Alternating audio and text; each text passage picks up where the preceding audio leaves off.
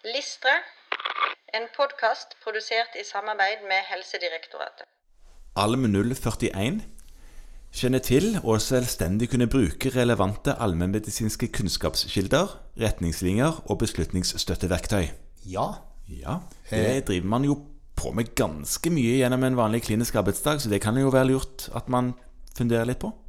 Ja, man bør i hvert fall det. Fordi at de færreste av oss klarer jo å ha oversikt over absolutt alle faglige retningslinjer, behandlingsanbefalinger, utredningsplaner, oppfølgingsplaner i hodet. Det er nok de færreste av oss, ja. Så stort hode har ikke engang du.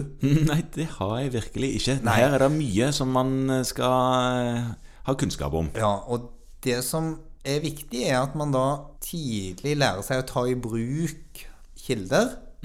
Og de kildene bør da være sikre og kvalitetssikre, sånn at man kan stole på dem. Det er ikke alltid sånn at onkel Google er den beste hjelpen. Nei, onkel Google har jo ofte pasientene allerede konsultert. Og det som er fint med onkel Google, det er jo at du kan velge den diagnosen du vil. Ja, Ja, Og da kommer jo pasientene med den alvorligste ofte. ja fordi at det som skjer med sånne type søkemotor, for ikke å framsnakke kun én av de, er at det du klikker mest på, kommer høyest opp. Ja da. Eh, Eller det som noen eventuelt har betalt for at skal komme høyt opp.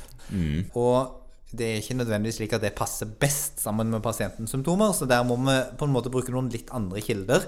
De må man rett og slett skaffe seg oversikt over. De eh, blir eh, fokusert på, og man blir lært opp til å bruke de i grunnkursene. Ja, og så er det òg egne gruppesamlinger i veiledningsgruppene som omhandler akkurat dette. Ja. Så det å ha kjennskap til hvor man kan hente kunnskap, er en sentral del av virksomheten vår. Og det er også viktig at man vet noe om hvordan disse kvalitetssikres og oppdateres og endres, slik at man får tilførsel av fersk og oppdatert kunnskap. Mm. Og så kan det òg kanskje være en idé å tenke litt over hvilken av disse beslutningsstøtteverktøyene eller hvilken av disse kunnskapsdatabasene man konsulterer i enhver sammenheng. For det er jo ikke sånn at nødvendigvis lå opp i den samme alltid. Nei, øh, og det er ikke sikkert at de ulike kildene er like gode på alt. Nei. Så det må man ha et reflektert eh, forhold til. Men det overordna er at som en del av det å være spesialist, så må man da være god på og oppdatert på kunnskapsinnhenting i sin daglige praksis.